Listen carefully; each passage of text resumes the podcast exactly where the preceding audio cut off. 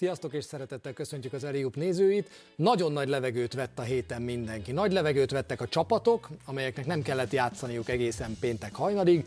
Nagy levegőt vett az NBA, és megpróbálta még utólagosan valahogy ebből az All-Starból megpróbáltak várat építeni, legalábbis a közösségi médiában, aztán szerintem nem győzték törölni a kommenteket, meg moderálni a kommenteket, mert az nem sikerült jól. És veszünk egy nagy levegőt mi is, hiszen az NBA alapszakasza éppen a kétharmadánál tartott akkor, amikor az All-Star gála megtörtént, és ez az utolsó egyharmad, ez mindig borzasztó izgalmas, úgyhogy hoztunk öt kérdést, amelyeket végig fogunk beszélni Zsivera Gáborral, és megbeszéljük, hogy, hogy mik a válaszok ezekre a kérdésekre, ha vannak, vagy legalábbis azt hiszem, hogy találgatni fogunk leginkább. Szia! Sziasztok! Azt gondolom, hogy izgalmas témáink vannak, meg annyi kérdéssel.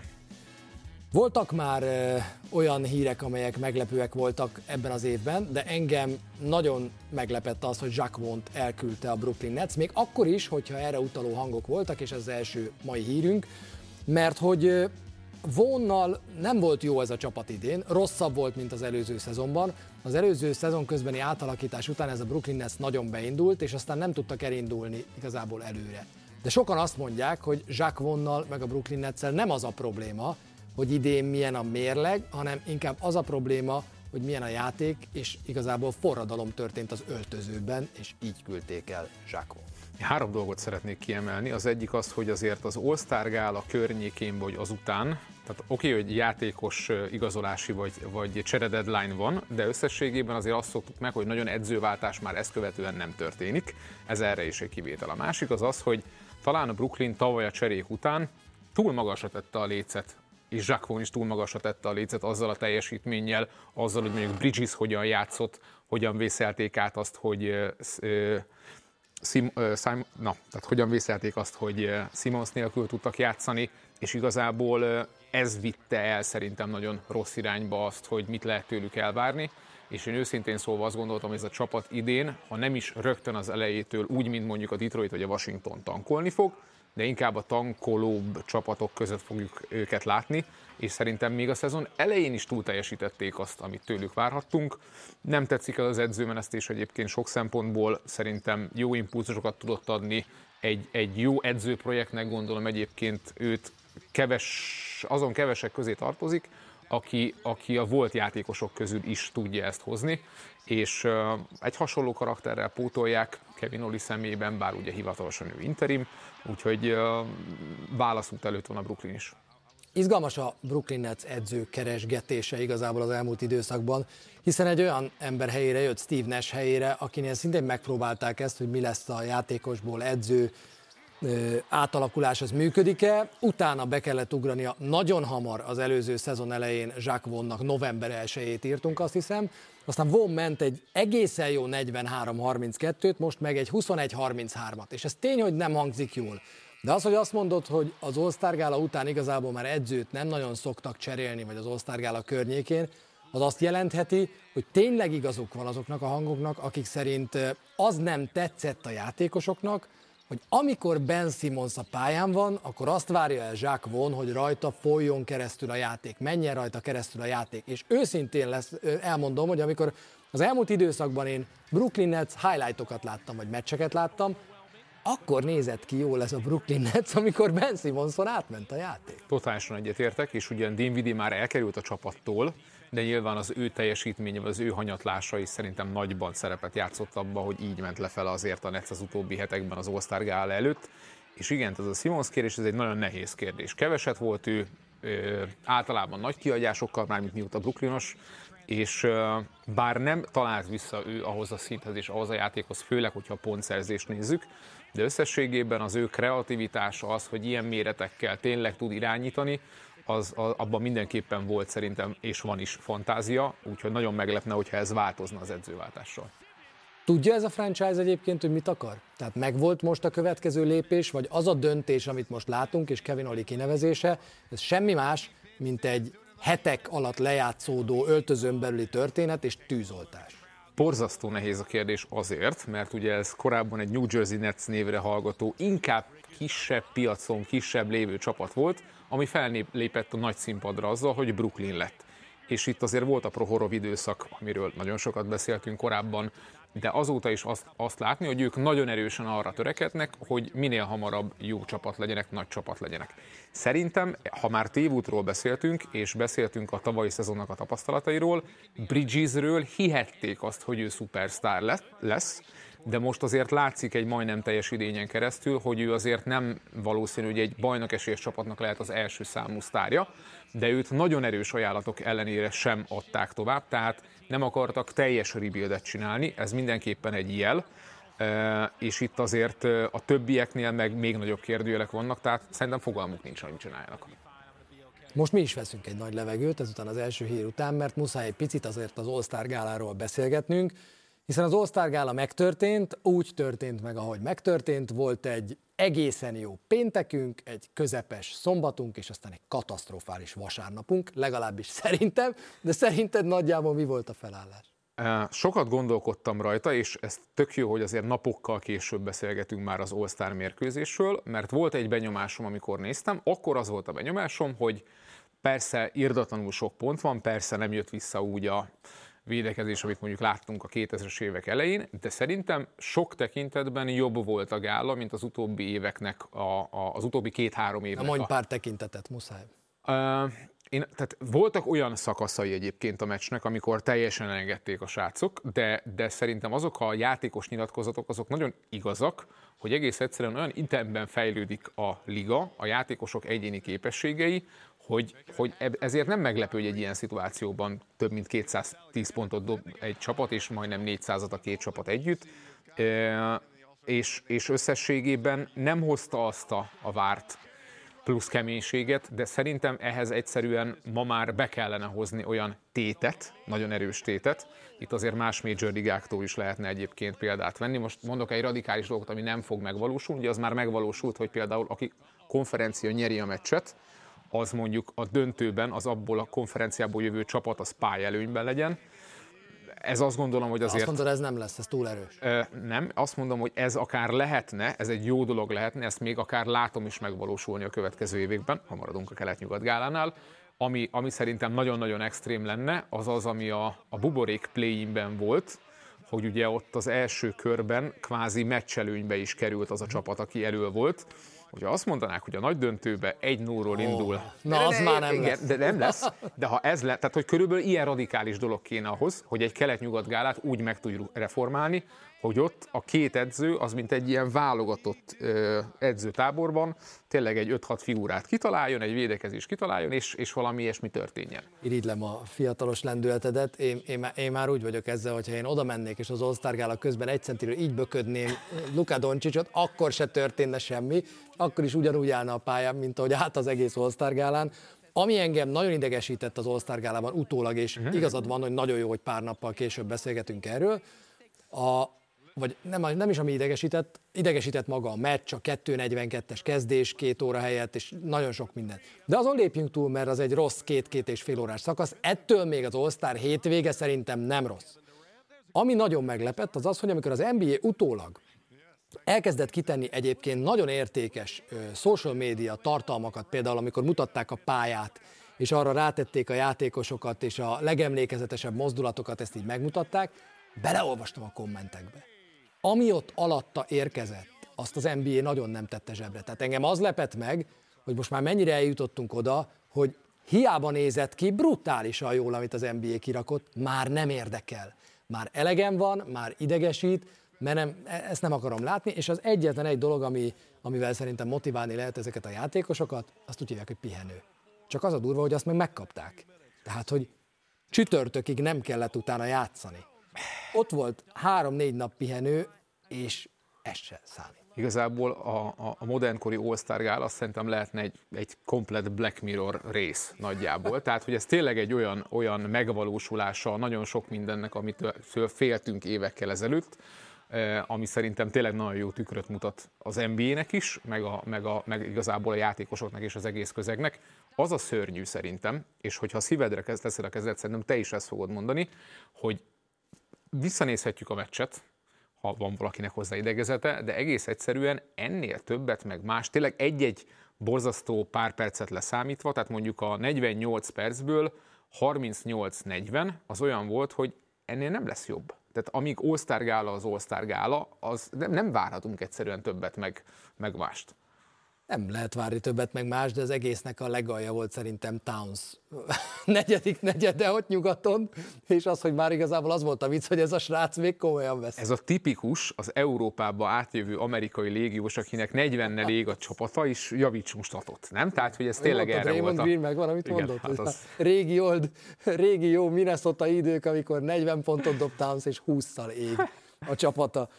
De az milyen tükröt mutat az NBA-nek, és ezzel rátérünk a harmadik hírünkre, hogy LeBron James kihagyja az All-Star Gála előtti utolsó mérkőzést, LeBron James kihagyja az All-Star Gála utáni mérkőzést, és eközben LeBron James játszik az All-Star Gálán, késve érkezik, elmondja, hogy neki a bokája egyébként sérült, és folyamatosan kezelés alatt áll, de azért egy picit pályára fog lépni, vagy töm egy irgalmatlan nagyot a mérkőzés elején, nem is látszik annyira sérültnek. Ez nekem azt üzeni elsőre, egy leegyszerűsített logikával, hogy az NBA-nek az All-Star gála nagyon fontos, és ezért LeBron Jamesnek pályára kell lépnie.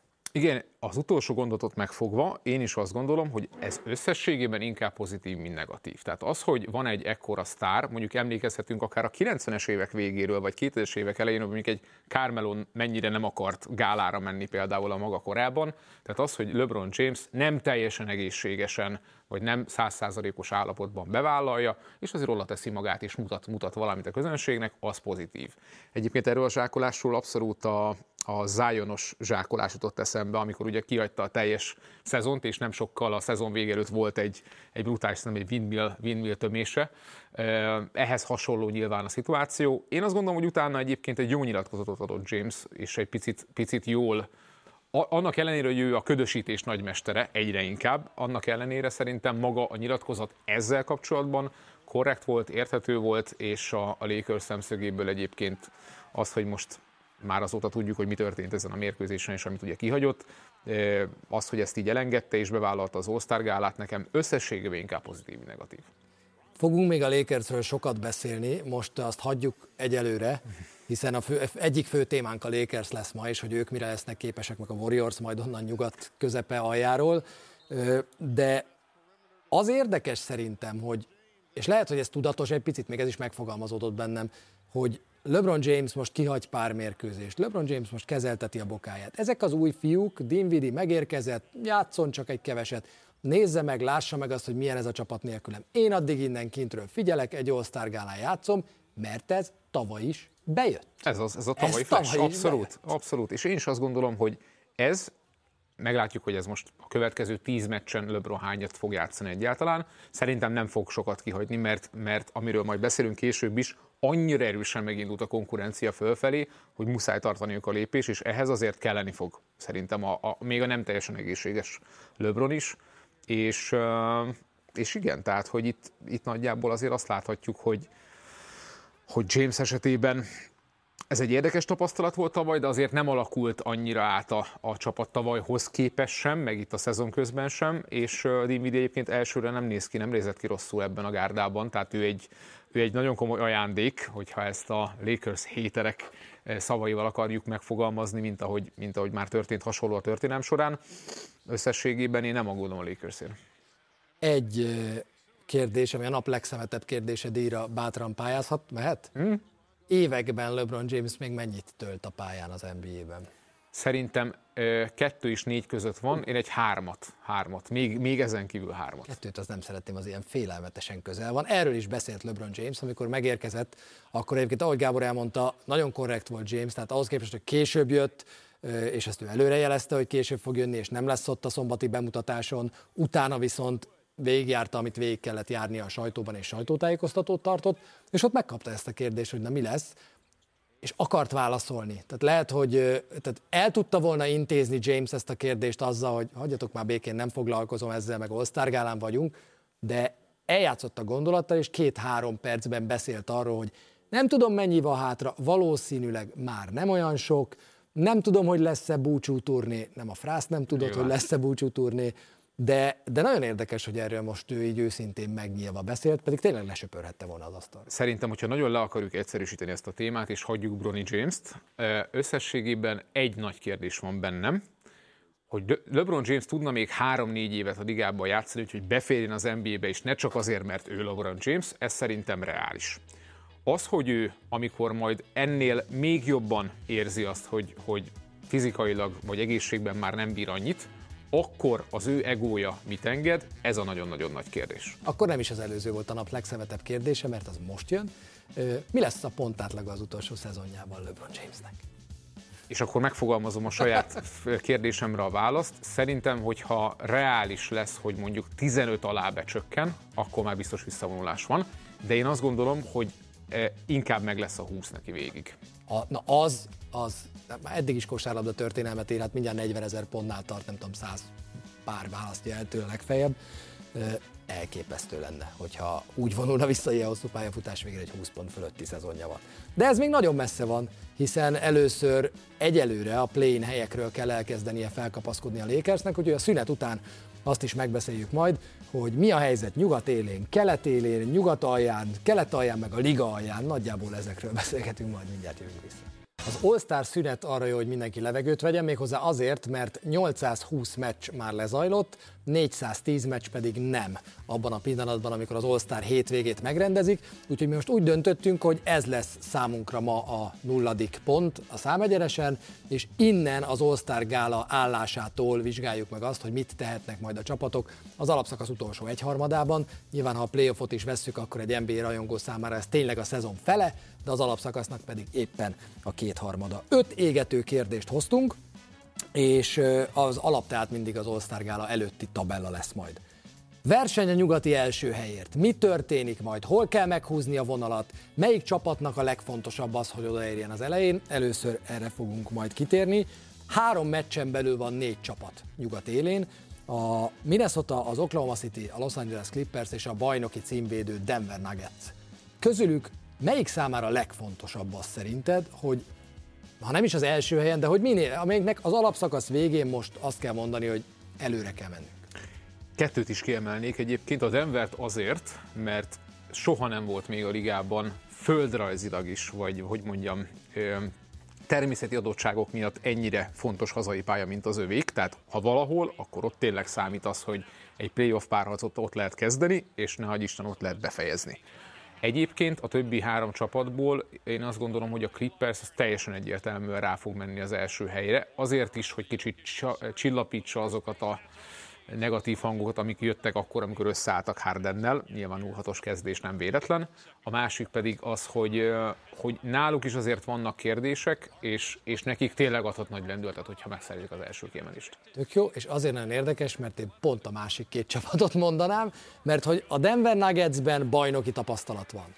A Los Angeles Clippersben Kawhi Leonard van, Paul George van, minden van, még James Harden is bajnoki tapasztalat is van ebben a csapatban, de rengeteg tapasztalat biztosan. A másik két csapatban, a Minnesota-ban, meg az Oklahoma City-ben nincs semmi, bennük senki nem hisz. Még mindig annak ellenére, hogy látjuk, hogy mennyire brutálisan jók voltak az első két harmadban. Tehát nekem, velem valami belső hang azt mondatja, hogy nekik egy első kiemelés az aranyat érhet, önbizalmat adhat, nagyon jó lehet, nekik kéne megtolni most. Totálisan egyetértek, viszont mivel ekkora verseny van, én azt prognosztizálom, hogy ezért kicsit nagyobb lesz a készülés majd az alapszakasz mérkőzések vége fele, pláne, hogyha ezek a csapatok játszanak egymás ellen. És azt gondolom, hogy a Minnesota az egy olyan gárda, ami tényleg a meglepetés erejével tudott nagyon jó lenni nagyon sokáig. Nem gondolom, hogy ne lennének jók, Viszont szerintem egy ekkora versenyfutásban az, hogy őket már azért meg-meg lehetett fejteni, úgymond az eddigi tapasztalatok alapján, persze ők is egy picit erősítették a padot, de az összességében nem mellettük szól. És szerintem e, már az utóbbi időszakban is, amennyire magabiztosan vezettek sokáig, az, hogy lelekerültek arról az első helyről, az inkább tehát inkább el lett odázva szerintem ez, mert pont bele-bele hibázott az OKC is jó pár meccsen, a Clippersnek is egy picit megtört a rendülete, és a Denvernek is volt hármas vereség sorozata, és szerintem a, a Mini nem fog tudni most még, még egy sebességet váltani, mert nem, tehát ők már kiterítették szerintem alapjaikat. Mi van azzal az OKC-vel, amelyet egyrészt most látunk, másrészt meg százszoros otcuk volt a szezon előtt, hogy bajnokok legyenek, és most 25-nél tartunk éppen, És sokan azt mondják, hogy még most is megéri OKC részvényeket vásárolni, mert ez a csapat meglephet bennünket. Miközben azt gondolom, és erről beszéltünk mérkőzések folyamán is, hogy azért itt még vannak tisztázandó kérdések a csapaton belül, nem csak a rotáció ügyében, hanem annak ügyében is például, hogy kikapja meg a labdát bizonyos helyzetekben. Igen, és ők az egyik legegészségesebb csapat, ami a magot illeti.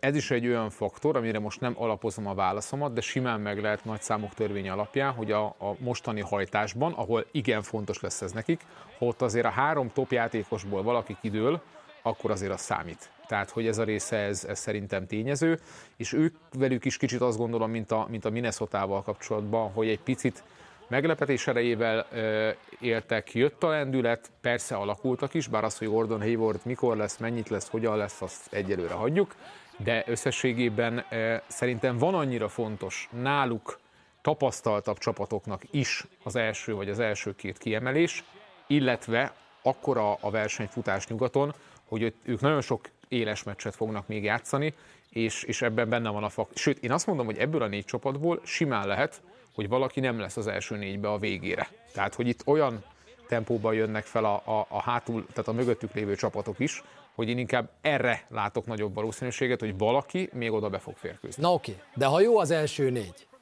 ha mögöttük irgalmatlan tempóban elkezdtek feljönni a többiek, akkor rátérünk az első helyezetnél is izgalmasabb kérdésre, hogy mit fog csinálni a kilencedik helyen álló Lakers és a tizedik helyen álló Golden State Warriors, hova jönnek ők előre, hogy fognak ők előre jönni, vagy akár hogy nem csúsznak vissza, hogyha ott vannak azért mögöttük is néhány mérkőzéssel, mit fog csinálni ez a két csapat? Kiket fognak ők megelőzni? Kell nekik előrébb jönni? Hát na, náhogy kér. Szerintem visszacsúszási faktor az a 0 és 5 százalék között van nagyjából. Az, hogy előre fognak legalább valamennyit jönni, arra van nem tudom, 60-70 százalék esély, és szerintem a kettőből legalább az egyikben lesz a hatban.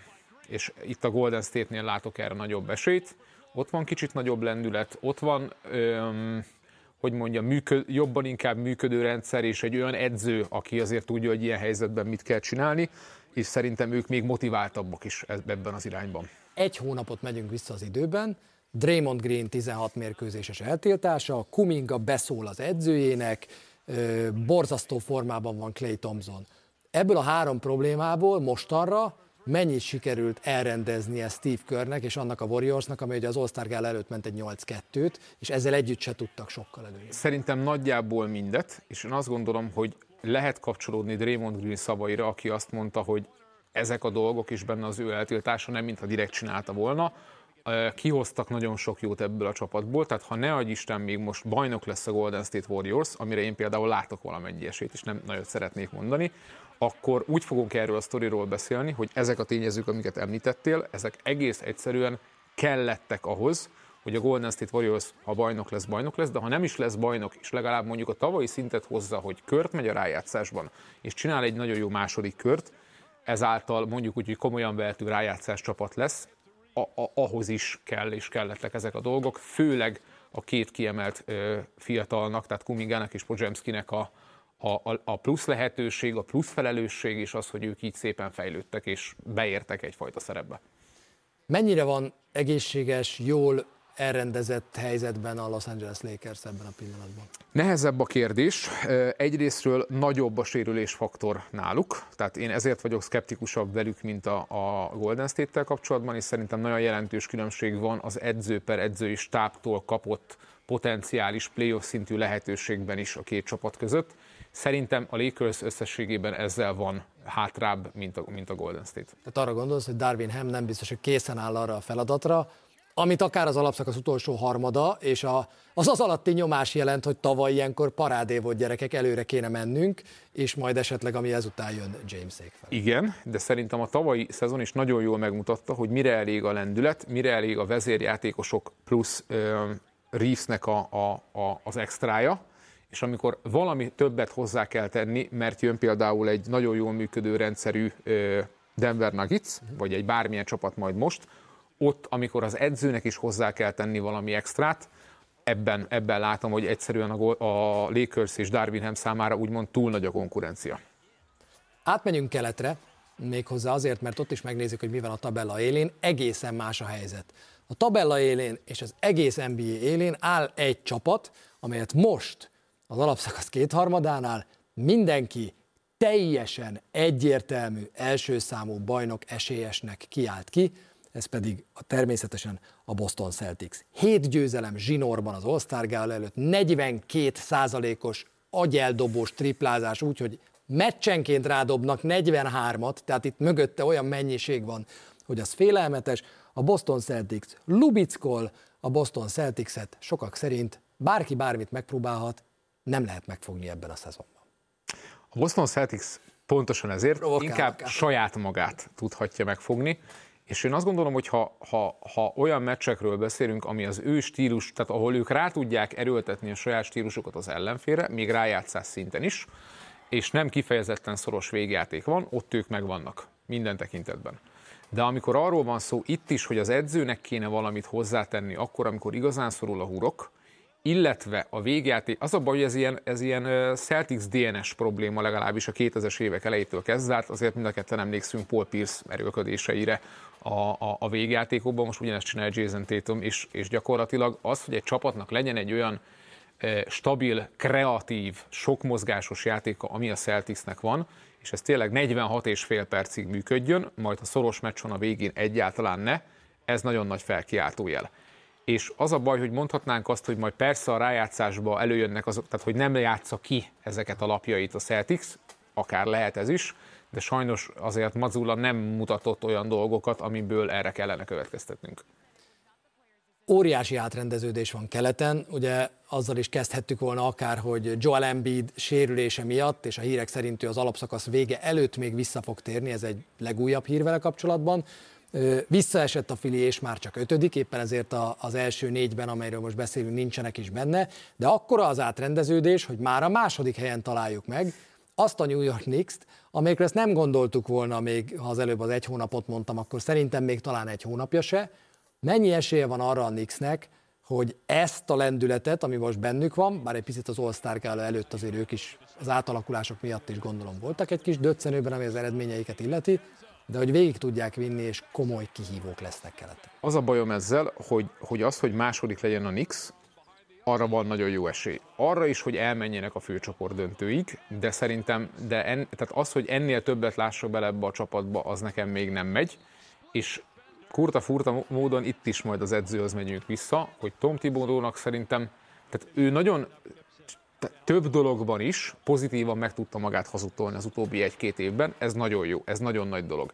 De még mindig nincs benne szerintem az a fajta kreativitás és meccseken vagy párharcokon belüli változtatni, ö, változtató képesség, ami mondjuk, hogyha összekerülnek egy Miami Hittel és Eric Spolstrával, meglátjuk, mi lesz Embiiddel. Én azt gondolom, hogy most arra van a legnagyobb esély, még ha Embiid vissza is tér egy picivel az alapszakasz vége előtt, hogy azért inkább play-in csapat legyen a Philadelphia, hiszen annyira jönnek azért ott az Orlando, Indiana, tehát a, konkurencia is eléggé nagy. Tehát, hogyha mondjuk Nörszel és a Filivel, egy egészséges Filivel kerülnek össze, én ott azért félteném a Knicks-et. De amit mondtál a Knicksről, összekerülnek a Boston Celtics-el, és ezt a meccset, amit most látunk a főcsoport döntőben látják az nézők. Ez 50 éve történt meg utoljára az NBA-ben.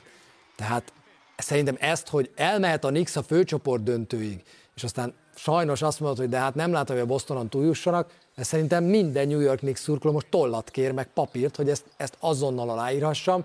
Nem beszélve Adam Silverről, mert ez aztán olyan szinten durrantaná be az NBA-t, hogy nagyon, hogyha lenne egy jó Totálisan egyetértünk, kell is egy nagyon jó Nix az NBA-nek. Én azt gondolom, hogy összességében attól eltekintve, hogy a, az újonnan vagy felfele törekvő csapatoknál azért általában kell egy nagy playoff pofon ahhoz, hogy utána tényleg bajnok esélyesek, vagy tényleg bajnokok legyenek. Szerintem ők egy nagy változtatásra vannak attól, hogy egyébként ebbe a kategóriába élhessenek majd a következő években. Szerintem ez vagy Rendel értékreváltása, vagy pedig de ez a kevésbé valószínű, hogy mondjuk egy Tibodónál még kreatívabb edző kerüljön ide, de nincs, tehát oké, okay, hogy mondjuk láttunk idén olyat, hogy a Milwaukee Bucks változtatott szezon közben is úgy, hogy második helyen állt. A Knicksnél szerintem vannak annyira lojálisak Tibodóval kapcsolatban, hogy ilyet nem várhatunk, úgyhogy igazából itt még, még tényleg ez a max, is egyetértek azzal, hogy itt minden Knicks szurkoló elégedett lesz ezzel. A Milwaukee Bucksról most nem beszélünk, azért nem, mert lesz még egy kérdés, ami a Milwaukee Bucks viszont nagyon-nagyon vastag ceruzával kerül majd elő. Úgyhogy rá is térünk arra, hogy mi történik majd az NBA alján, az NBA utolsó helyein, mert az utolsó három helyezett ugye 14 százalékot, hátul a negyedik pedig 12,5 százalékot tudhat magáinak a következő draft sorsoláson, ennyi esélyük lesz majd az első pikre. Tehát igazából az utolsó három-négy helyen ott vagy, akkor már majdnem mindegy, hogy hányadik helyen végzel. A tartálykocsik, az NBA tankolói ebben a szezonban a Washington, a Detroit, a San Antonio Spurs és a Portland.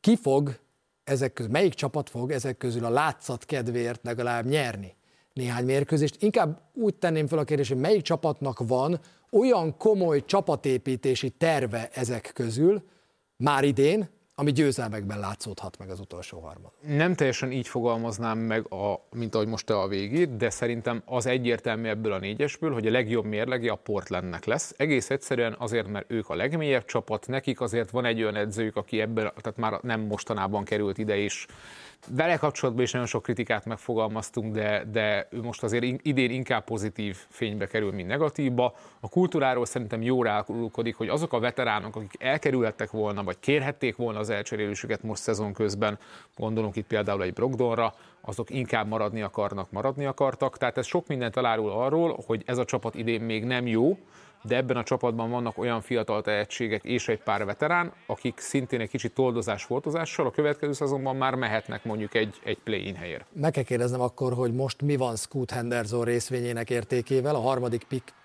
nem túlzás azt állítani, hogy botrányosan kezdte a szezont, mindenki leírta Henderson, ebből nem lesz semmi. Ezt nagyon benézte a Portland.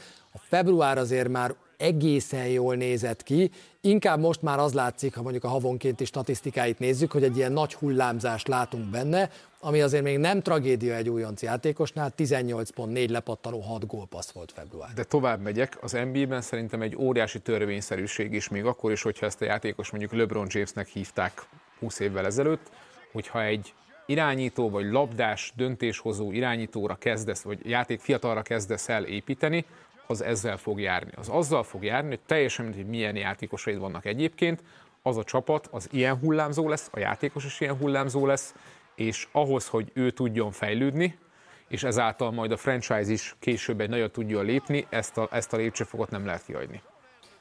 A Detroit Pistonsról szeretnék még veled beszélgetni, méghozzá azért, mert ott meg az érződik, mintha szezon közben egy picit fordulna ez a Detroiti tankhajó valamerre, egészen pontosan Cunninghamtől talán egy picit el, és Jaden Ivey felé, méghozzá meglehetősen. Tehát mintha rájöttek volna arra, hogy Ivy-ban több van, Cunningham lehet, hogy inkább egy második opció, és ez azért egy-két elég komoly figyelmeztető eredményben is kezd látszódni, tehát a Detroit Pistons, amelyik a szezon elején 28-szor kapott kizsinórban, már nem az a csapat, most már az a csapat, amelyiken egy Sacramento-nak óvatosan kell pályára lépnie, mert még kikap, ahogy kikapott. Szerintem Összességében nagyon tévútra visz minket az, amiről már korábban beszélgettünk, hogy nem az a jellemző általában az NBA-ben, hogy a tankolócsapatok az elején tankolnak, hanem általában inkább a végén. Itt most akár a Washingtonról, akár a San Antonioról, akár róluk beszélünk, ez inkább a, az történt, hogy az elején ez volt komoly tankolás. És ez megadja a lehetőséget arra a Detroitnak, amely nyilván nem még rájátszásba akarna jutni, hogy, hogy formálja a csapatát, formált a cserékkel, tehát kitakarított olyan játékosokat, akikre vagy nincs szüksége, vagy még most tudta őket értékére elcserélni. Kettő, ezáltal jobban a helyüket tudtak kerülni ö, játékosok is. Hát ha most így beszélünk Kirian Hayesről, aki ugye egy perhetes választottja volt a csapatnak, az, hogy megtörténjen, hogy ő kezdő Ivy kárára, és ugyanabban a szezonban ezt a játékost ezt simán szabad listára tegyék, az egy olyan dolog, amit még soha nem láttunk az NBA-ben. Tehát ehhez foghatott, pláne úgy, hogy az a csapat csinálja, aki draftolt ezt a játékost. A, a másik, ami, amiről itt beszélünk, egyetértek az Ivis témával, bár bár Cunninghamnél is az van szerintem, hogy oké, okay, ő már azért messze nem ugyanaz, de volt már egy nagyon nagy kihagyása, tehát, ez, tehát ezáltal neki is, sőt mind a két labdás játékosnak benne van még ez a hagyni kell őket hibázni dolog. De hát miért nem beszélünk Jalen Duranről, aki olyan lepattanó ö, monster számokat tud hozni, olyan dupla-duplákat, és, és, és olyan szinten látható rajta a fejlődés, meg vannak nagyon biztató dolgai. Ugye korábbi Detroit játékos André Dramondal vannak, voltak itt összehasonlítások, aki azért egy ilyen kicsit emptisztelt guy lett, viszont azért mára meg a, kialakult a szerepe. Szerintem Durán esetében nem, nincs ilyen piros felkiáltójel, és az, hogy például ő mondjuk büntetőzésben bizonyos szakaszokban milyen, milyen jókat tudjon hozni, az, hogy mondjuk neki legyenek 5-6-7 gólpasszos számai, ez szerintem lehetőséget ad arra, hogy ő a legmodernebb NBA magas prototípusán haladva odaérjen egy olyan szintre, ahol ő lehet majd egy, egy ha nem franchise játékosa, de egy nagyon stabil kezdő, esetleg all játékosa egy későbbi bajnok esélyes Detroitnak. Az utolsó kérdés maradt, amelyik szerintem a legizgalmasabb az összes közül. Van 30 csapatunk, hátra van az alapszakasz egyharmada. Ebben az egyharmadban melyik csapatok veszíthetik a legtöbbet? Melyik csapatok számára a legnagyobb a tét? És itt hoztál egy keletit és egy nyugatit.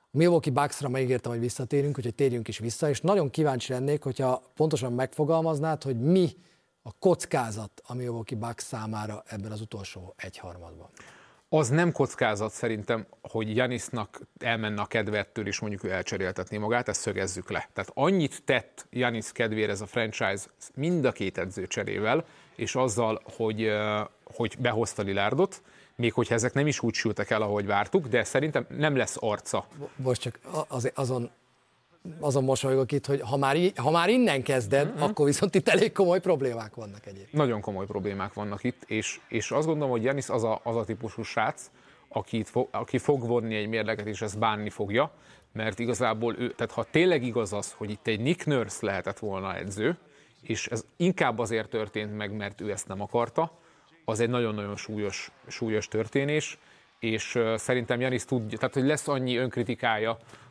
hogy, hogy ne ő mutogasson másra, és ő akarjon lelépni. Én Lilárdot nagyon sajnálom, mert ő ugye tudjuk, hogy el akart kerülni, nem oda került, ahova akart volna kerülni, de belekerült egy olyan szituációba, amiből lehetett volna valami nagyon jó, de ettől most nagyon messze vagyunk. Tehát ami leginkább sérül, az az, hogy mondjuk Dame Lillard lehessen idén, vagy jövőre, nyilván azért ott még sok minden történhet, egy, egy bajnok csapatnak nagyon fontos játékosa, ettől kezdünk e- eléggé, eléggé messze lenni. Muszáj idehoznom akkor Jannisnak a nyilatkozatát, amelyben nagyon furcsa dolgokat mondott Jannis. Tehát elmondta, hogy elege van abból, hogy néha csak úgy megérkezünk edzés, aztán elmegyünk, hogy a kettő között mi történik, az senkit nem érdekel, és ez most a kisebbik dolog, ez frusztráltságból is adódhat, hogy valaki ilyet mond, tök természetes. De miért kezdi el Jannis azt mondani most, februárban, hogy ez Lillard csapata? Ez Damien Lillard csapat, ez nem az én csapatom, ez az ő csapata. Miért kezd el ilyet mondani egy játékos, aki ezt a csapatot bajnoki címre vitte, aki napnál világosabb, hogy edzők között válogathat, játékostársak között válogathat, és akkor egyszer csak, amikor baj van, nem amikor minden oké, okay, amikor baj van, azt mondod, hogy na, ez ő. Nem Nagyon sok ő. oldala van ennek a dolognak, nem szimpatikus emiatt ez a nyilatkozat. Nem csak furcsa. De az, a, de az a helyzet, hogyha úgy nagyon meg kéne vizsgálni, most a védekezés egy másik dolog, erről most ne beszéljünk, de hogyha a csapat hierarchiáját és a támadójáték kimaxolását, akkor szerintem neki igaza van. Tehát ez a csapat szerintem tényleg akkor lehet a legjobb, hogyha ez elsősorban támadásban Damien Lillard csapata. Mit jelent ez? Ő az, aki első tud a mérkőzéseken, és nem Janis Antetokounmpo, és ő az, aki, akinek a, a legtöbb dobása van, a legjobb pontátlagot hozza, és az egész mérkőzésen azt a fajta komfortot tudja elérni, amit Portlandben mondjuk egy főcsoport döntős csapatban elért. Tehát azt mondta, hogyha... ez nem a felelősségvállalásról szól, hanem ez a támadójátékról szól. Igen.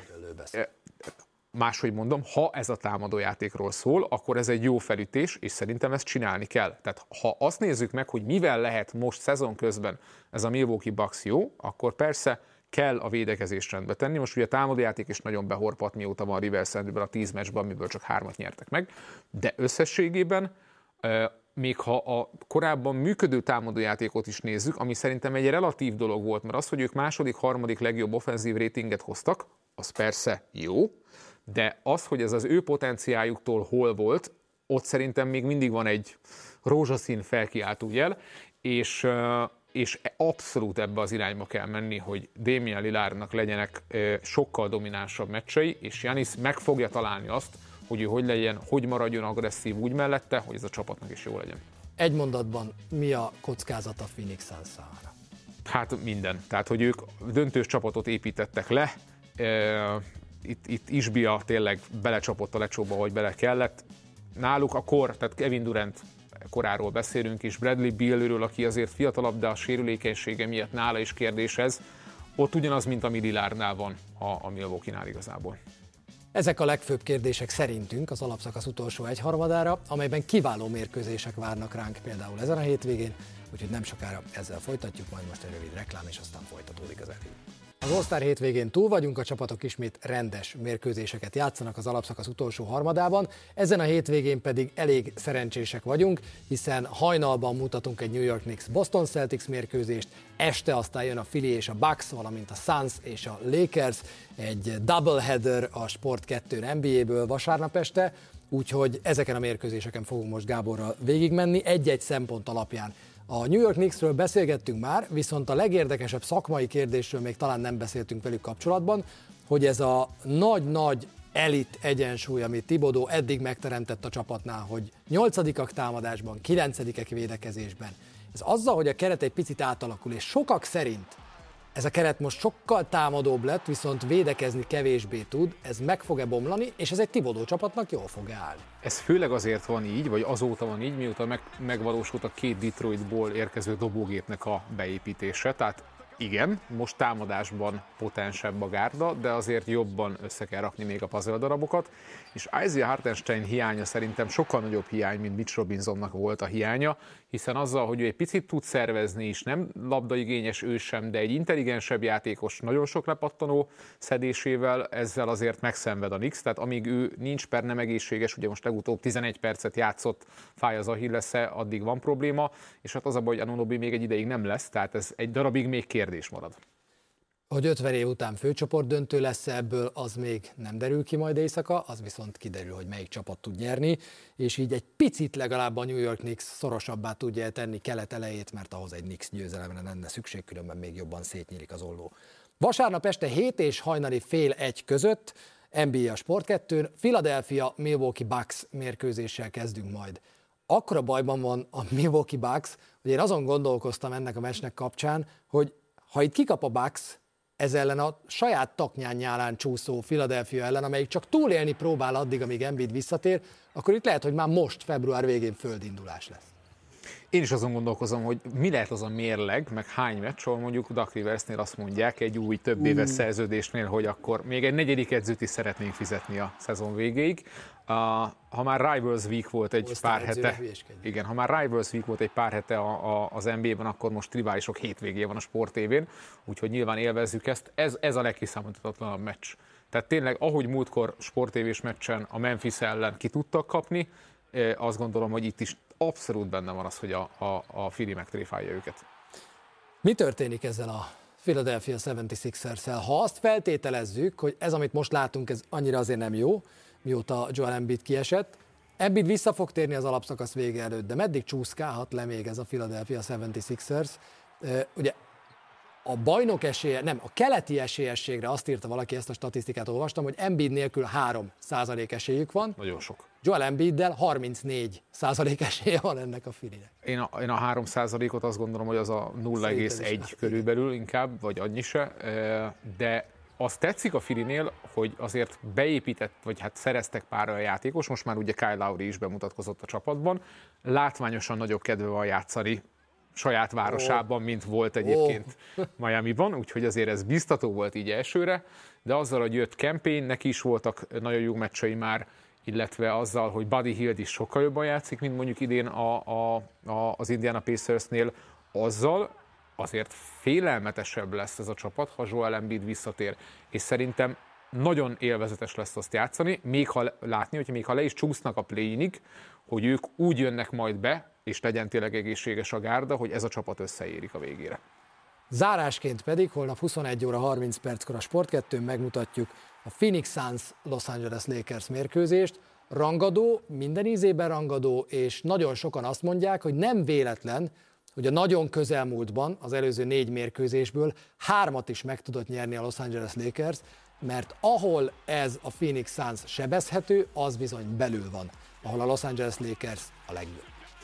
Nagyon érdekes, hogy ugye, mivel kétszer is játszottak az in-season tournamentben, ugye összesen öt alapszakasz meccsük, meccsük lesz, és, és szerintem egyértelmű az, hogy fekszik a Lakersnek egyébként pont emiatt, de egyéb tényezők miatt is ez a Phoenix Suns, ahol azért szintén vannak új játékosok, akik Ted Youngot még például nem láttuk játszani, de hogy nekik is kell azért itt padot és rotációt bővíteni.